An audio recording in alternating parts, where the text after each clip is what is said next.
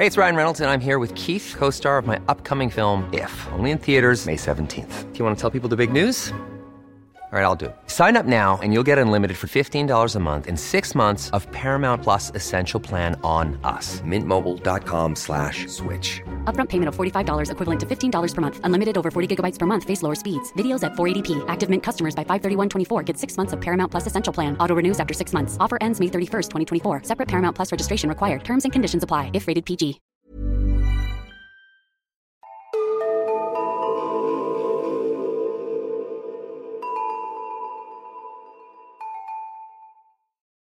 Hej och välkomna till Nära ögat, en true crime-podd för mesar. Mitt namn är Alexandra Kensdottir.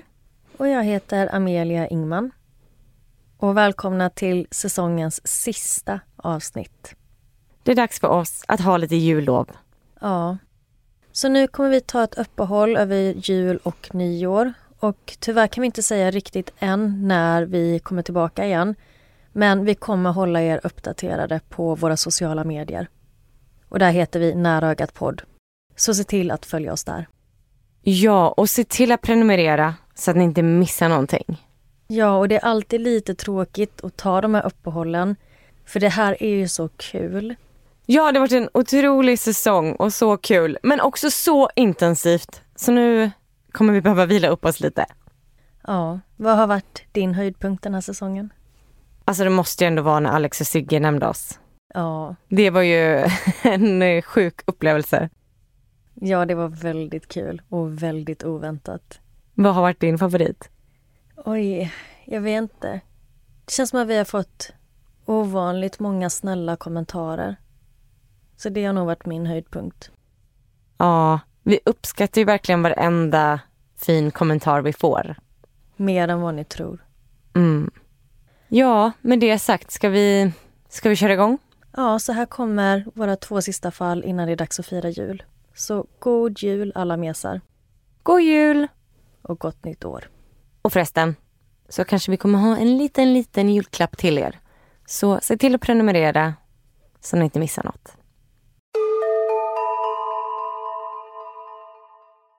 Idag ska jag berätta om Tanya Ryder. Och det här har varit ett väldigt efterfrågat fall, speciellt av en av våra lyssnare, Johanna.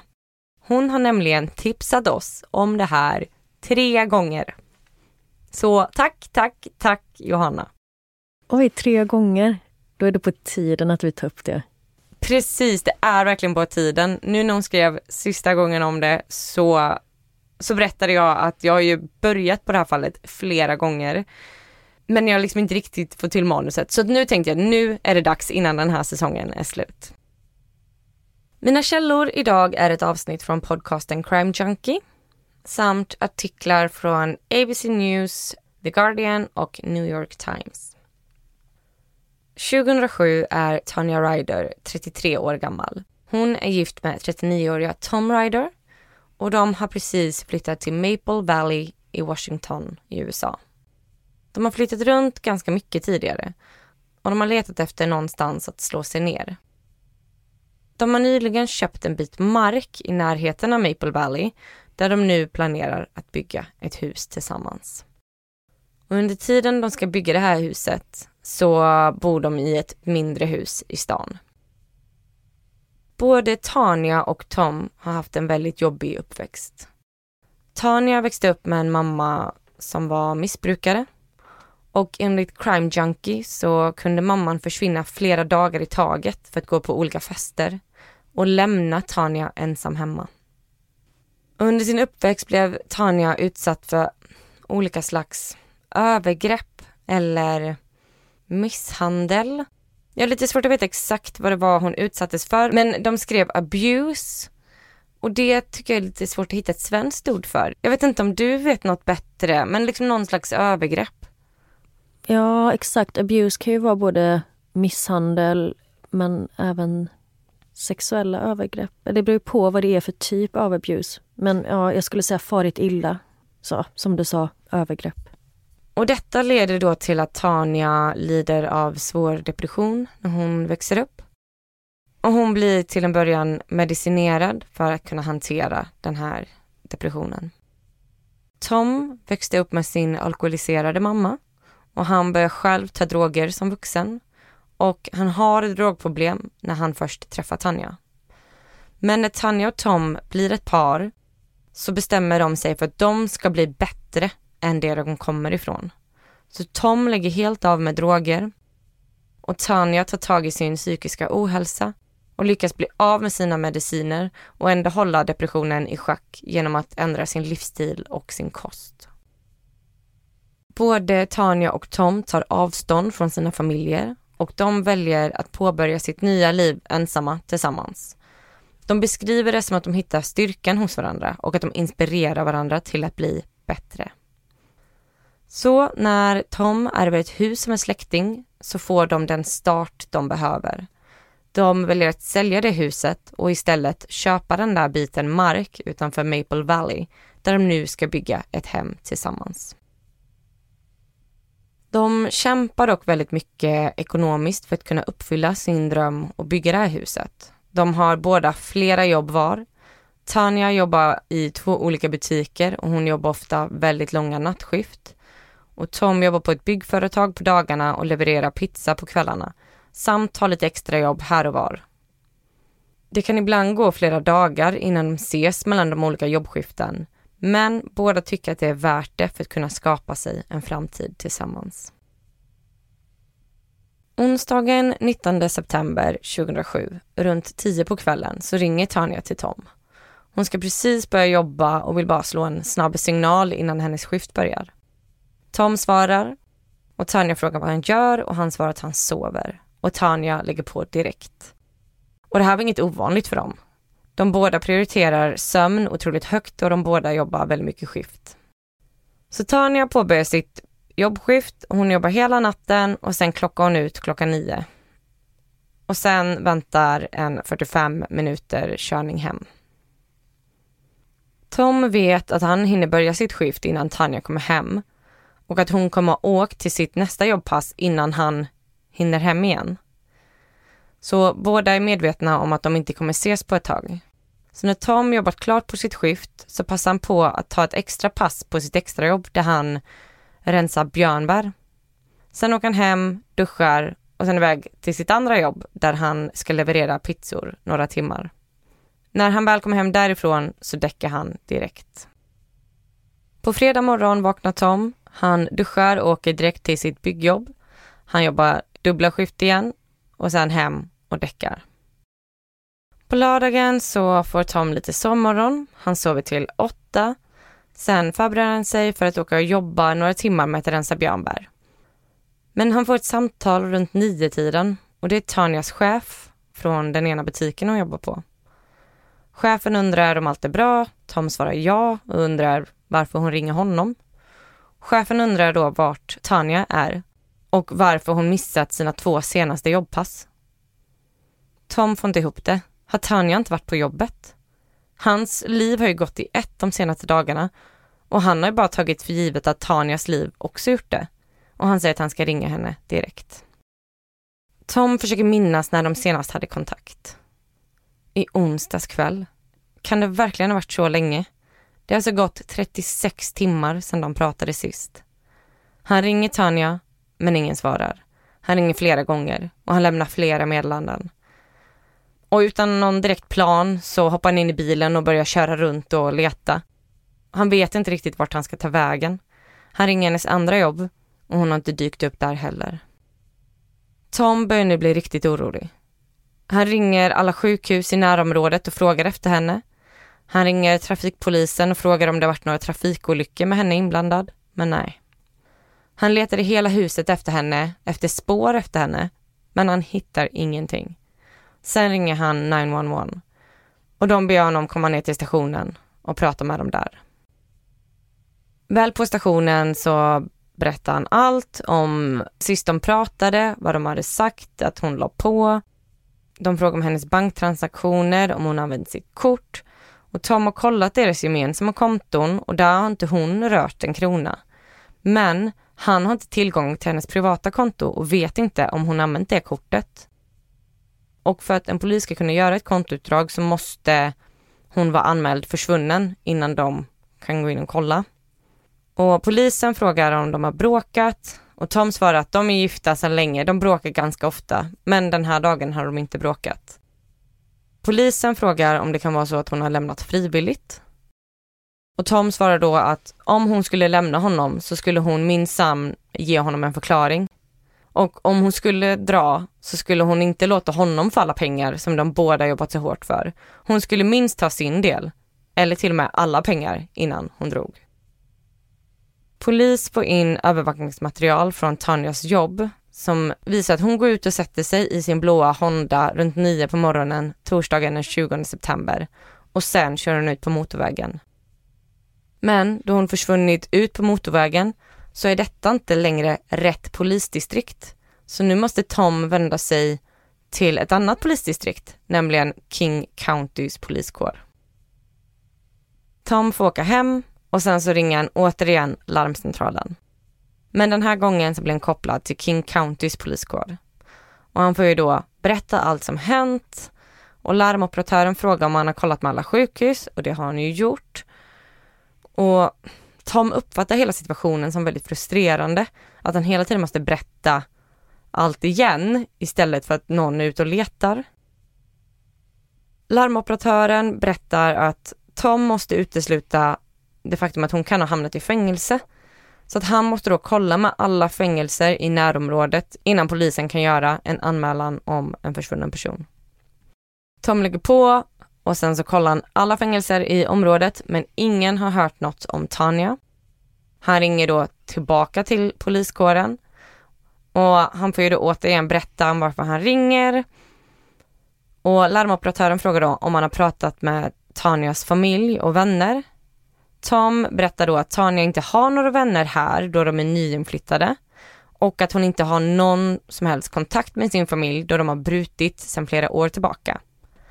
Larmoperatören förklarar då för Tom att han måste utesluta att hon inte åkt till någon i sin familj och att Tom då måste ringa till hela en familj innan de kan göra en anmälan om en försvunnen person.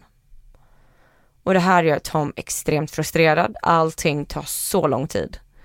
Han ringer då runt till Tanjas familj som varken han eller Tanja pratat med på flera år och det är ju precis som man misstänkte. Tanja är inte där. Tom ringer upp polisen igen och han får nu frågan om Tanja lider av någon slags psykisk ohälsa eller om hon haft några mentala problem. Tom berättar då om Tanjas depression och operatören frågar då vad hon äter för mediciner. Tom berättar då att Tanja har tagit kontroll över sin depression genom alternativa metoder som kosthållning istället för att äta medicin. Och larmoperatören svarar då att på grund av att hon inte äter sina mediciner så omfattas hon inte av kriterierna för att bli anmäld som försvunnen. Hon är en vuxen person och kan ha försvunnit frivilligt. Alltså det här är så frustrerande. Mm. Hur mycket förarbete ska Tom behöva göra för att de ska ta detta på allvar? Och vad är det här nu med att hon inte går på sin medicinering, att det då inte kan hanteras som en saknad person? Nej, men då är det väl större risk att hon dragit frivilligt eller något. Alltså jag vet inte. Jag tycker det är helt, helt sjukt. Ja, jag vet inte hur man hade hanterat en sån situation själv. För det verkar som att de snarare jobbar mot honom än att erbjuda någon form av hjälp.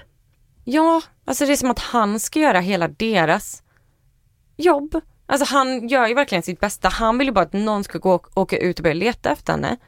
Men att han hela tiden då måste redovisa. Alltså han kan ju göra det under tiden. Om de bara kan göra en anmälan så att hon är anmäld försvunnen. Då finns hon ju i registret för anmälda personer, alltså för försvunna personer. Ja, speciellt med eftersom det redan har gått flera dagar sedan hon såg sist och sedan de sist pratade. Då tänker man att det borde vara tillräckligt lång tid för att de ska ta det på allvar. Ja, och alla vet ju att man har liksom störst chans att hitta någon som har försvunnit de första 24 timmarna. Mm. Och för varje timme som går så minskar ju chansen. Ja. Jag är så nyfiken på vad det är som har hänt. Mm. Tom kokar nu av ilska. Ingen hjälper honom och ingen verkar bry sig om att hon är försvunnen. Han skriker och frågar om Tanja måste vara död för att polisen ska hjälpa till. Och sen lägger han på. Tom är desperat. Ingen hjälper honom och tiden går och han måste göra något. Han googlar runt och hittar ett tv-program som tar upp försvunna personer. Och han inser då att om han kan få medial uppmärksamhet så kanske han kan få hjälp att hitta henne. Så Tom ringer in till det här programmet men de svarar att de inte kan hjälpa honom.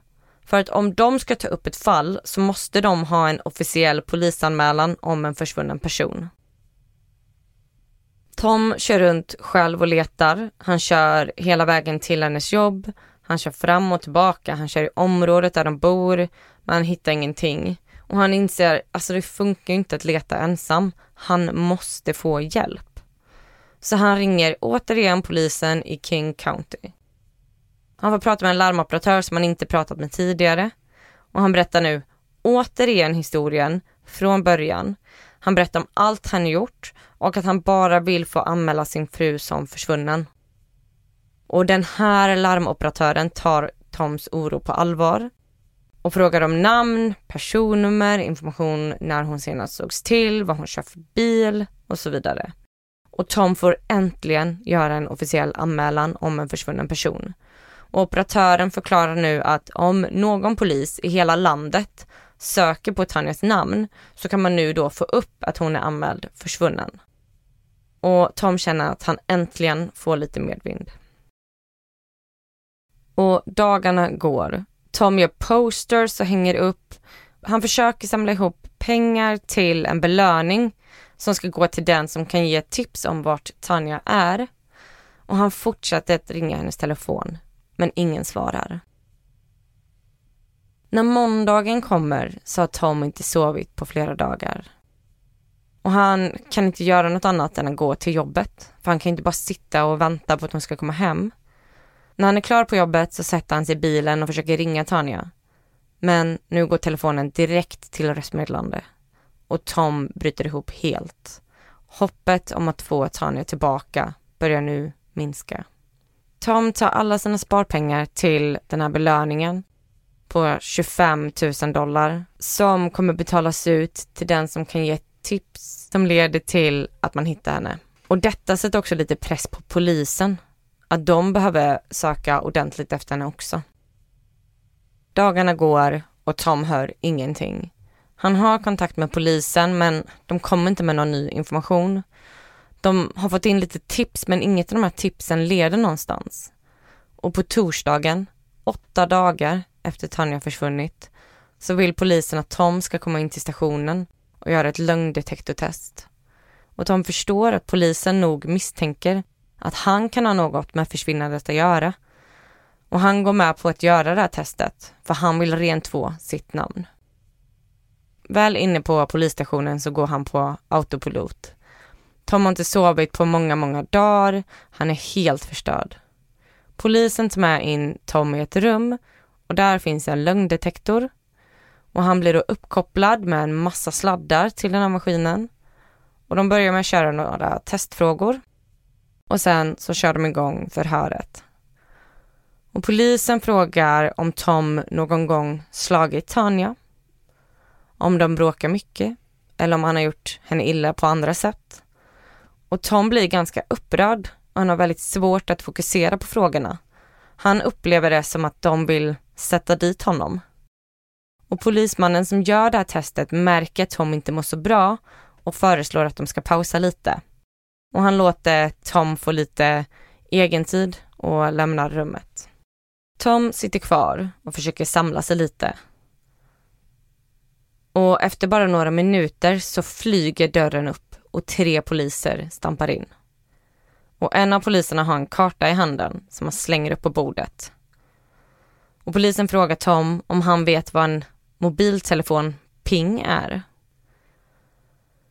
Och han visar sen på kartan att Tanjas mobiltelefon pingat mot en och samma telefonmast under hela tiden som hon varit borta.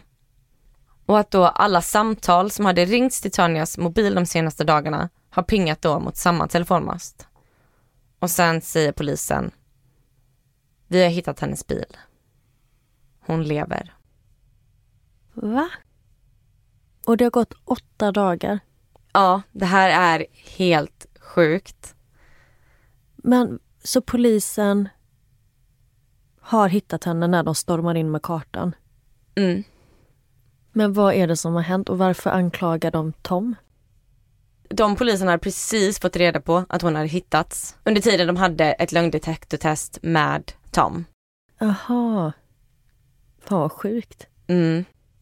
Nu vill jag höra vad det är som har hänt. En stund tidigare hade ett sökteam varit ute och kört längs med vägen vid Maple Valley och State Route 169 i närheten av mobilmasten som pingat Tanias telefon. De kunde se att telefonen borde befinna sig mellan 4 till 8 kilometer sydost om masten. Och när sökteamet åker runt och letar så kan de skymta en bil i en ravin bredvid vägen. Bilen är långt ner och den är inte synlig från körfältet i vägen då den täcks av stora buskage. Men när de går ner där och närmar sig bilen så ser de att det är en blå Honda.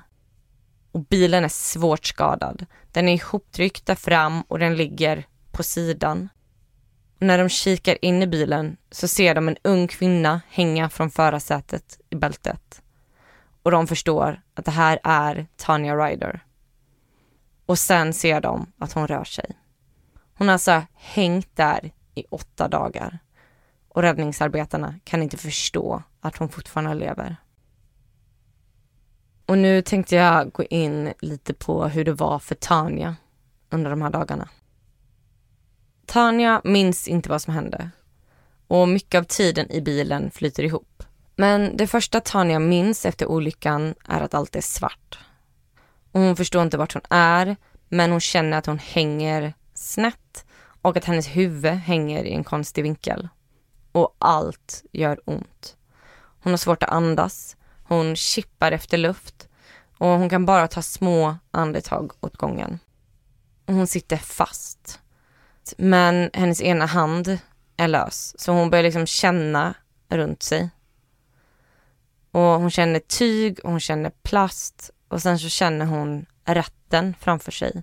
Och det är då det går upp för henne att hon är kvar i sin bil. När hon får upp ögonen är allt suddigt. Och hon har så otroligt ont. Hennes huvud dunkar. Hon tar upp handen mot pannan och när hon tittar på sin hand så ser hon att den är helt blodig. Hon har ett öppet sår vid ögonbrynet som hon blöder ifrån. Ljusen på instrumentbrädan blinkar för fullt och dörren på förarsidan är intryckt och klämmer fast hennes vänstra sida av kroppen, speciellt hennes ben. Airbagen har utlösts men luften har pyst ut. Jag vet inte om du sa det innan, men vilken årstid är det? Det här är i september i Washington. Hon vet inte hur länge hon var utslagen. Men nu så hör hon i alla fall bilar som kör. Hon försöker skrika efter hjälp, men ingen hör henne. Hon knackar mot rutan, men det är ingen som hör. Och tiden går, men det är ingen som kommer att hjälpa henne. Bilen stinker från blod och urin då hon har kissat på sig. Och det börjar komma in flugor och insekter i bilen. När det börjar skymma så blir hon väldigt rädd. För hon är livrädd för djuren som finns ute i skogen. Hon somnar till ibland och när hon vaknar så hoppas hon att allt bara är en mardröm. Hon är hungrig och otroligt törstig. Och hon ångrar att hon spottade ut det där blodet tidigare. Hon kan se och höra hur hennes mobil ringer. Men hon når den inte. Hon skriker allt vad hon orkar. Hon vill verkligen svara. Hon vill prata med Tom och hon vill ringa 911. Men det spelar ingen roll hur mycket hon försöker nå den. Den är för långt ner. Dagarna går och Tanja har så otroligt ont. Hon ber till Gud att han ska skydda henne, att han ska vara nära och ta hand om henne. Hon börjar hallucinera. Hon tror att hon ringer 112 men när de svarar så skrattar de bara åt henne och sen lägger på. Och hon tror också att hon ringer Tom men att han bara ignorerar henne och slutar prata med henne. Och hon pratar mycket med sin hund som hon ser. Och hon tror också en gång att hon ser en örn som landar på bilen. Hon minns inte sist hon åt eller drack och börjar nu få djupa sprickor i läpparna och runt munnen. Hennes tunga är svullen och otroligt torr och hon känner hur andedräkten luktar död. Och ju längre tiden går, ju mer illa börjar hon må. Och hon förstår inte hur hon kan vara så illamående när hon inte ätit något. Men hon börjar kräkas. Hon kräks över hela bilen och sig själv.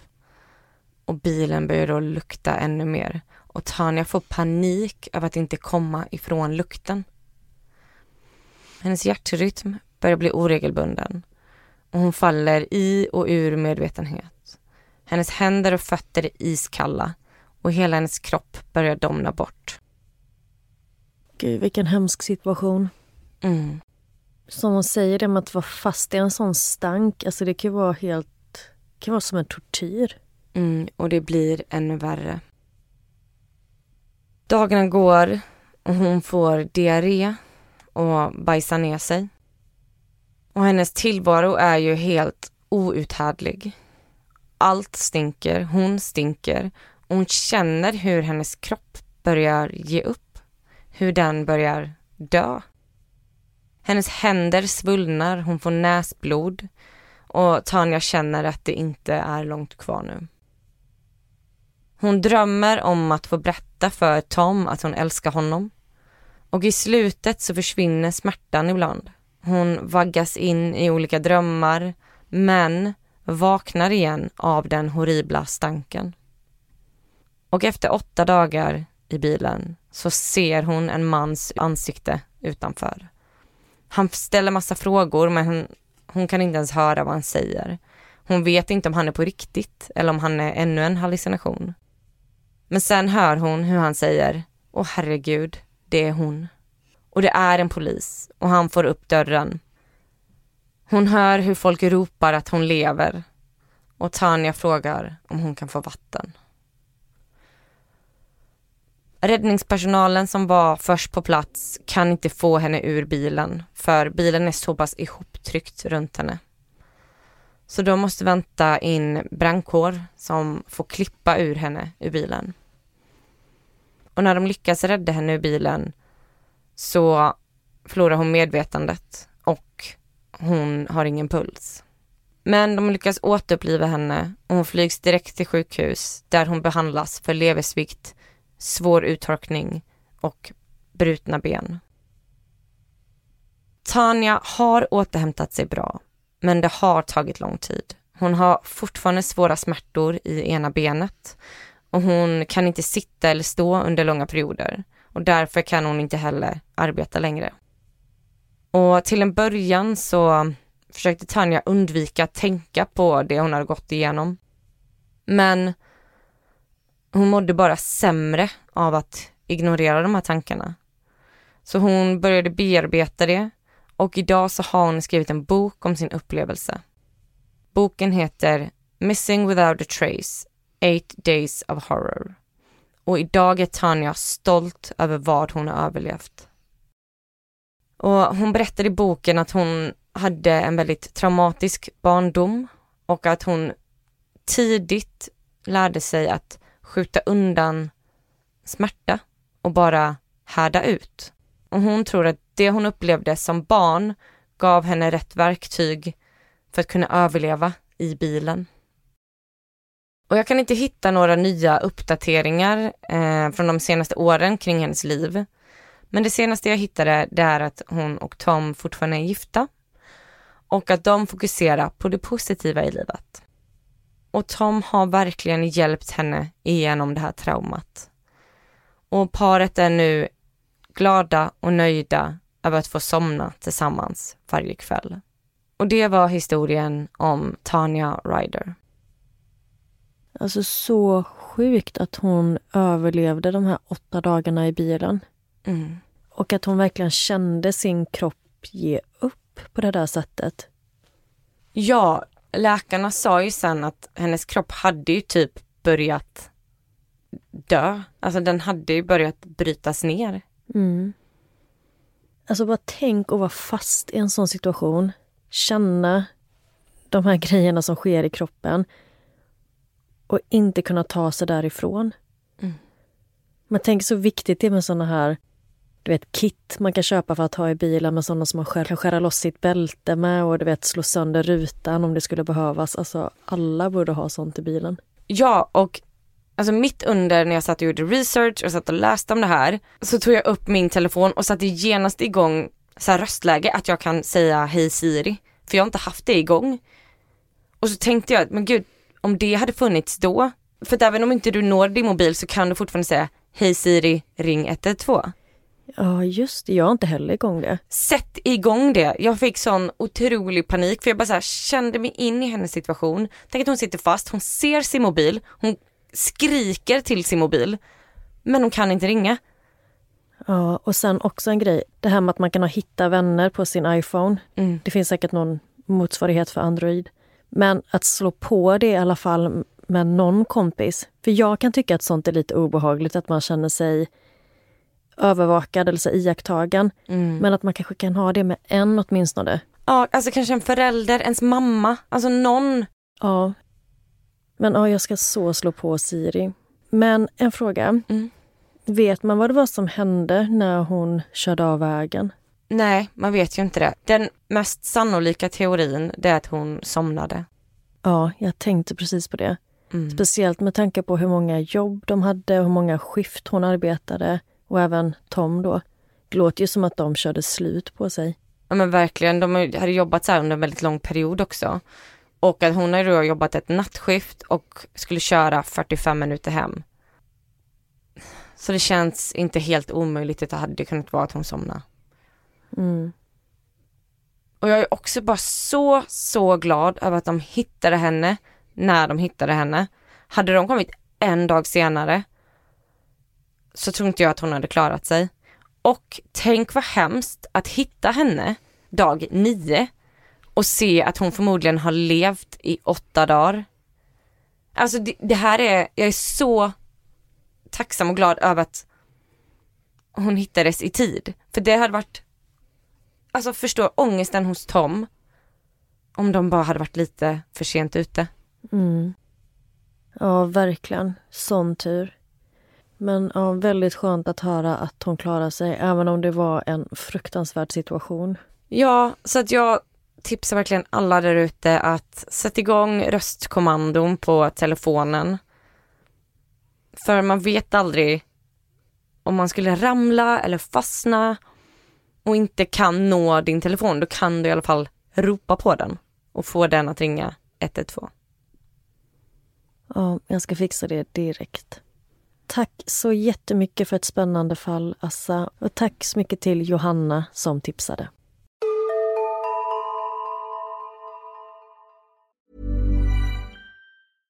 Ryan Reynolds here from Mint Mobile. With the price of just about everything going up during inflation, we thought we'd bring our prices down.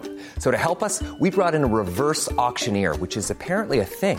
Mint Mobile unlimited premium wireless. Ready to get 30, 30, bit to get 30, bit to get 20, 20, 20, bit to get 20, 20, bit to get 15, 15, 15, 15 just 15 bucks a month. So, Give it a try at mintmobile.com slash switch. $45 upfront for three months plus taxes and fees. Promo for new customers for limited time. Unlimited more than 40 gigabytes per month. Slows. Full terms at mintmobile.com. Hey, it's Ryan Reynolds, and I'm here with Keith, co-star of my upcoming film, If, only in theaters May 17th. Do you want to tell people the big news? All right, I'll do it. Sign up now and you'll get unlimited for $15 a month and six months of Paramount Plus Essential Plan on us. Mintmobile.com slash switch. Upfront payment of $45 equivalent to $15 per month. Unlimited over 40 gigabytes per month. Face lower speeds. Videos at 480p. Active Mint customers by 531.24 get six months of Paramount Plus Essential Plan. Auto renews after six months. Offer ends May 31st, 2024. Separate Paramount Plus registration required. Terms and conditions apply if rated PG. Idag ska jag berätta om Michael Packard. Mina källor är ett avsnitt av 60 Minutes Australia, en artikel i Washington Post, Daily Mail, NPR, CBS News och Wikipedia. Michael Packard bor tillsammans med sin fru Julie och deras två tonårssöner i Cape Cod.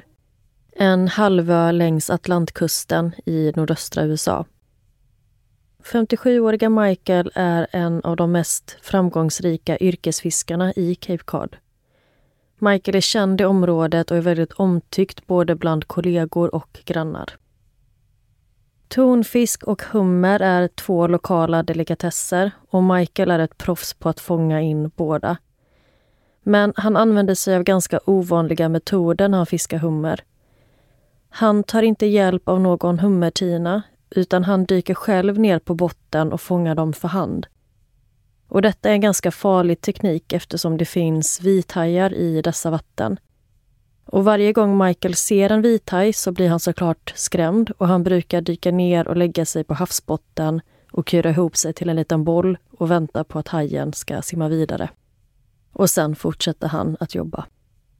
Alltså fridyker han eller har han dykarutrustning? Han har dykarutrustning. Så han har våtdräkt, simfötter, syrgastank. För han kan dyka ganska djupt. Okej. Okay. Michael älskar havet och det är en väldigt stor del av hans liv. Han har dykt sedan han var 12 år gammal och han säger att havet är hans liv och passion och det gör honom lycklig. Och han är så glad över att han har lyckats göra ett yrke av något som han älskar och att han inte följt strömmen och skaffat sig ett traditionellt jobb. En morgon i juni 2021 så ger sig Michael ut med båten tillsammans med sin kollega Josiah för att dyka efter hummer. De kör ut cirka 20 minuter innan det är dags att hoppa i vattnet. Under Michaels tredje dyk så är det något som händer. Michael dyker ner mot botten och när han är nere på cirka 10 meters djup så är det plötsligt något som smäller till honom och det känns som att han har blivit påkörd av ett tåg. Allt blir svart och han tumlar runt. Han förstår inte vad det är som händer och han tänker att han kanske har blivit biten av en haj men han känner inga sår eller blödningar. Men efter några sekunder så inser han vad det är som har hänt. Han har blivit uppäten av en val och befinner sig inne i valens mun. Men va? Och han tänker bara holy shit. Men vänta, va? Han har blivit uppäten av en val? Ja, så en cirka 10 meter lång knölval har fångat honom i sitt gap kan man säga. Så han är i valens mun. Men alltså vilken mardröm! Ja, och han är ju fast här inne nu. Jag har sett knölvalar på Island. De är jättestora. Ja, och jag kommer lägga upp en bild med där man har en skiss på hur stor valen är i förhållande till en människa. För när jag hörde om detta fallet så tycker jag det lät helt otroligt, men de är ju enorma. Mm. Michael märkte aldrig knölvalen som var på väg mot honom och nu känner han att valen simmar snabbt genom vattnet. Och det strömmar in vatten genom valens mun och Michaels munstycke slits ut ur munnen på honom. Men som tur är så tappar han inte bort det utan det fastnar mellan Michaels kropp och insidan av valens mun. Så han får tag i munstycket och kan sätta i det igen. Han får syre och försöker samla sig men han är fortfarande fast i valens mun och han har ingen aning om hur han ska ta sig ut. Förlåt, men knölvalar kan väl också dyka ner typ flera kilometer tror jag? Ja, och det är ju en stor skräck för Michael i nuläget att valen ska dyka så djupt så att han inte kommer överleva trycket. Ah.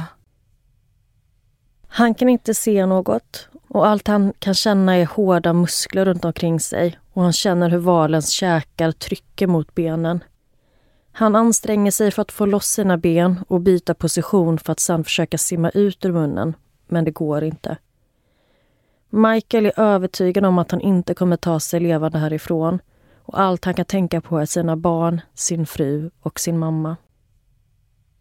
Michael försöker ta sig ut om och om igen, men han lyckas inte och han inser att det enda sättet för honom att ta sig härifrån är ifall valen låter honom göra det. Valen är helt otroligt stor och det finns ingen chans att Michael ska lyckas bända upp valens mun och på så sätt ta sig ut. Eller försöka slå valen in i munnen så att den ska öppna gapet, utan han är helt i valens kontroll. I mörkret så är Michael rädd för att valen ska gripas av panik och dyka ner så pass djupt att Michael inte kommer överleva trycket. Han är också rädd för att syretanken ska ta slut. Och detta skedde under Michaels tredje dyk, så tanken är i stort sett full. Men det finns ändå bara syre så att det kommer räcka i cirka 50 minuter. Ja, sen går det väl åt mer syre om man är andfådd eller rädd. Säkert. Jag är inget dykarproffs. Det är jag. Nej men jag för mig att jag läste det när jag hade ett dykarfall. De här finska dykarna. Ja, just det. Ja, men det är mycket möjligt. Man andas snabbare liksom. Och han är ju ganska skräckslagen och har ju panik över hela situationen. Förståeligt. Michael förstår att valen inte kommer försöka döda honom. Problemet är bara att han är fast. Men plötsligt så känner Michael hur valen simmar uppåt och han ser ljus. Valen är uppjagad och skakar kraftigt och är väldigt aggressiv. Och Det är precis som att valen inte gillar att ha honom där och att den nu försöker bli av med honom. Valen slänger sig våldsamt från sida till sida och plötsligt blir ljuset ännu starkare. Uppe på båten har Michaels kollega Josiah ingen aning om vad som har hänt Michael. Men så ser Josiah hur det blir oroligt i vattnet. Det smäller mot ytan och vattnet skummas och han ser att det är en val som beter sig väldigt aggressivt. Och mitt i den här tumulten så kommer Michael flygandes ut ur vattnet, upp i luften. Han slängs upp och ner med benen uppåt och simfötterna i luften och landar med en smäll i vattnet igen. Och valen försvinner snabbt därifrån. Men det här låter ju som en saga typ. Ja, alltså det här har ju liknats både vid Pinocchio och någon bibelberättelse. Ja, men om Noah. Ja. Noah and the whale. Just det, så heter det. Men det är inte han som bygger arken, eller? Nej, eller Noah. Gud. Noak. Jag borde kunna min bibel. ja, bibelbältet. Jag tror han heter Noah. Jo, men det gör han nog. Jag känner igen det. Men eh, Pinocchio i min referens. Michael ligger kvar på vattenytan och tittar uppåt mot himlen och tänker bara herregud, jag kom ut, jag lever. Oavsett vilka skador han fått så kommer han att överleva detta och Michael känner en helt otrolig lättnad. Det spelar ingen roll ifall hans rygg eller ben är brutna. Han kommer i alla fall inte dö inne i valens mun. Michael skriker både av lycka och smärta. En intilliggande fiskebåt skyndar sig fram för att hjälpa Michael att få upp honom i vattnet. Och en av männen ombord på den här andra fiskebåten är Michaels granne Joe och han är den första som når fram till Michael. Och Michael säger då Joe, jag var precis i en vals mun. Och Michael har precis överlevt den längsta minuten i sitt liv. När Michael kommer upp på båten så kör de tillbaka till hamnen igen. Michael lägger sig på däck och börjar gråta helt hysteriskt. Han kan inte fatta att han lever och han gråter av lättnad över att kunna få återvända hem till sin familj.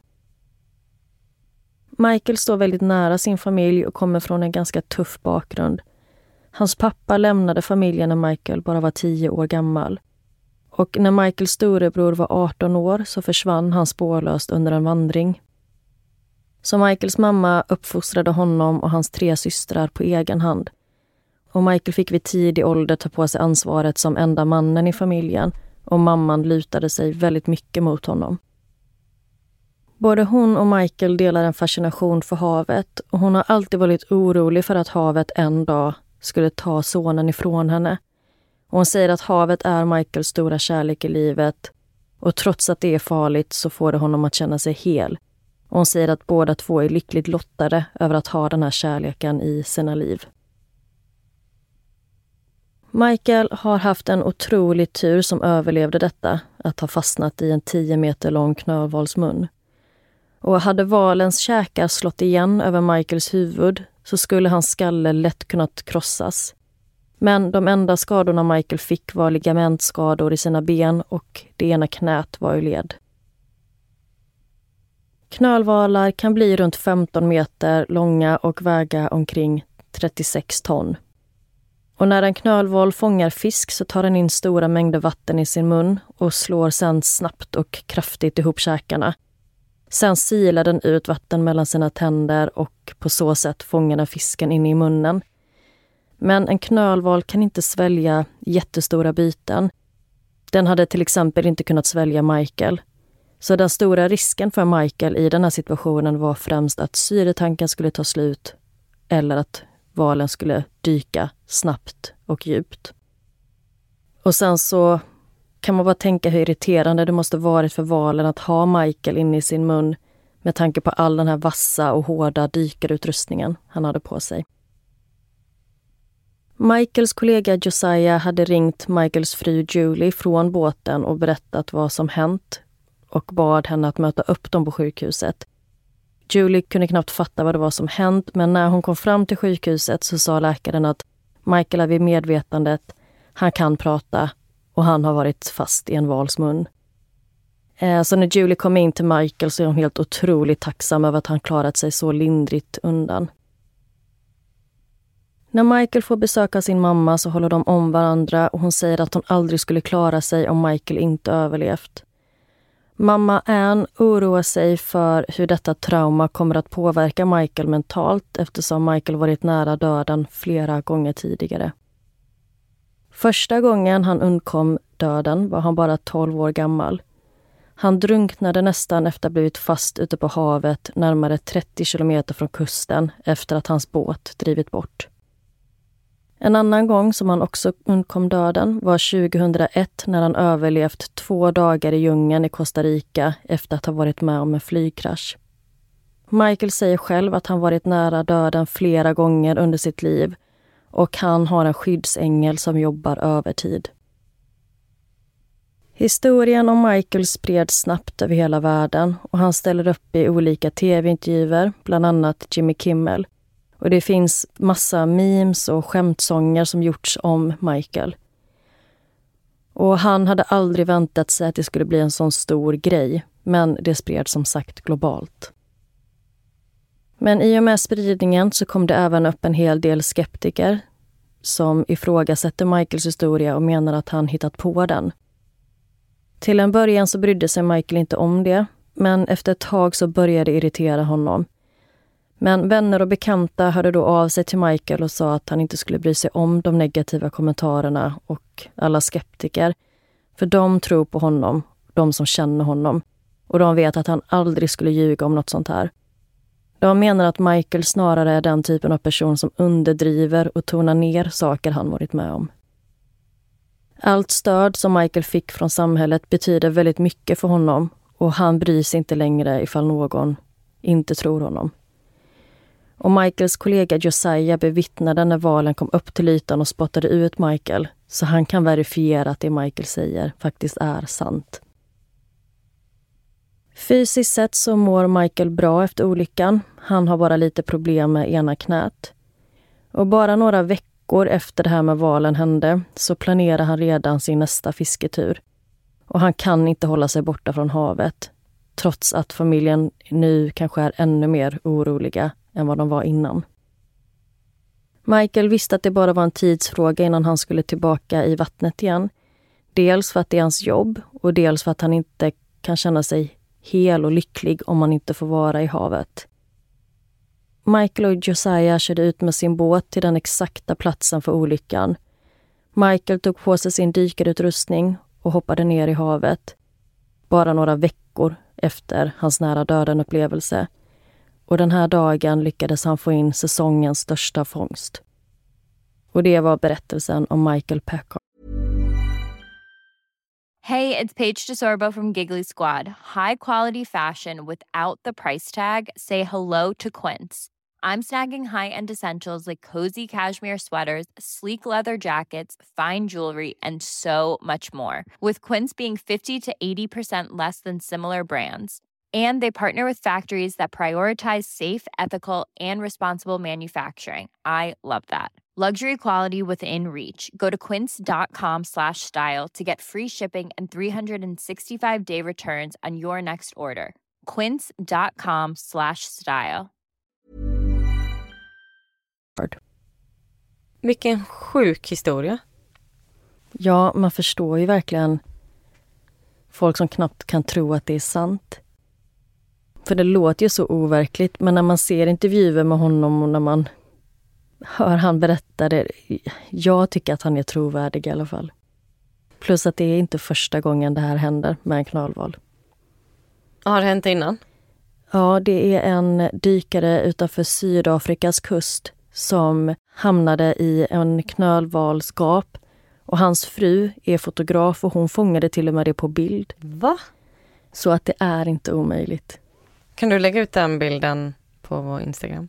Ja, absolut. Även om det inte var han det här fallet handlade om. Men jag vill jättegärna se. Ja, I will. PS. Det kanske var en annan typ av val. Det kanske inte exakt var en knölval. Bara en liten brasklapp. Äh, val som val. Men vad sjukt det hade varit om Michael försvann med valen och inte hade klarat sig. För den här andra fiskaren hade ju aldrig förstått vad det var som hände. Nej, alltså hans kollega Josiah, han... Från däck uppe på båten så brukade han följa Michaels luftbubblor och se hur han rörde sig i havet. Men det enda Josiah kunde se det var att bubblorna försvann och sen så såg han hur Michaels kastades upp i vattnet ungefär en minut senare. Så att nej, han, de hade ju nog inte fått reda på det, speciellt inte om valen hade simmat därifrån. Och just den här valen sågs aldrig till igen på den här platsen efter detta.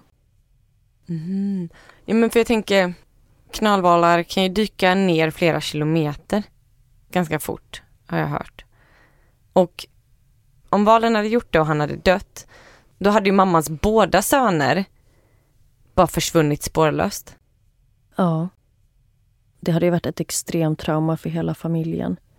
Som mamma sa, men hon tror inte att hon hade klarat sig om hon hade förlorat Michael. För de verkar ha en väldigt nära relation. Hon, jag ska inte säga beroende av honom, men man märker liksom hur tajta de är. Mm.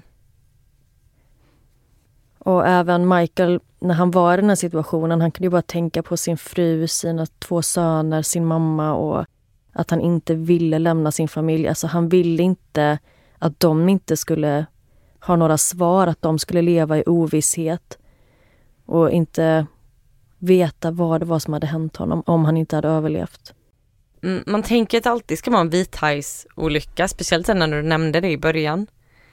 Att det fanns mycket vithajar där. Mm. Det var ju det första han tänkte med, att nu har han blivit biten av en haj. Men på så sätt så hade han ju tur. Och också tur att inte valen slog igen sitt gap över hans skalle eller på ett sätt som hade skadat honom. Mm. Men alltså var det helt mörkt i valens mun? Ja, det var kolsvart. Han kunde inte se någonting. Det var först när valen öppnade lite på munnen och simmade uppåt som den släppte in ljus. Mm. Så att, ja, han beskriver det som helt kolsvart. Så läskigt. Mm. Så ja, han kom ju ganska lindrigt undan som sagt och han kunde lämna sjukhuset redan senare samma dag. Det kanske är hans brorsa som är hans änglavakt.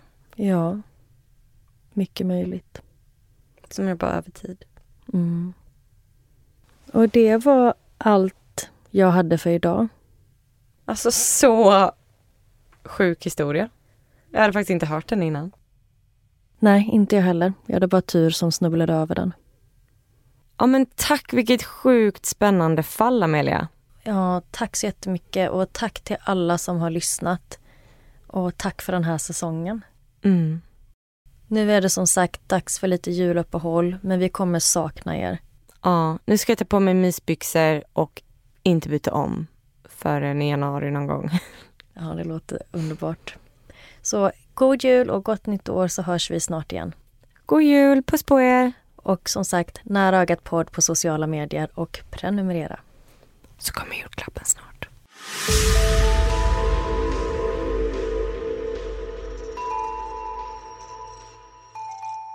Ho, ho, ho.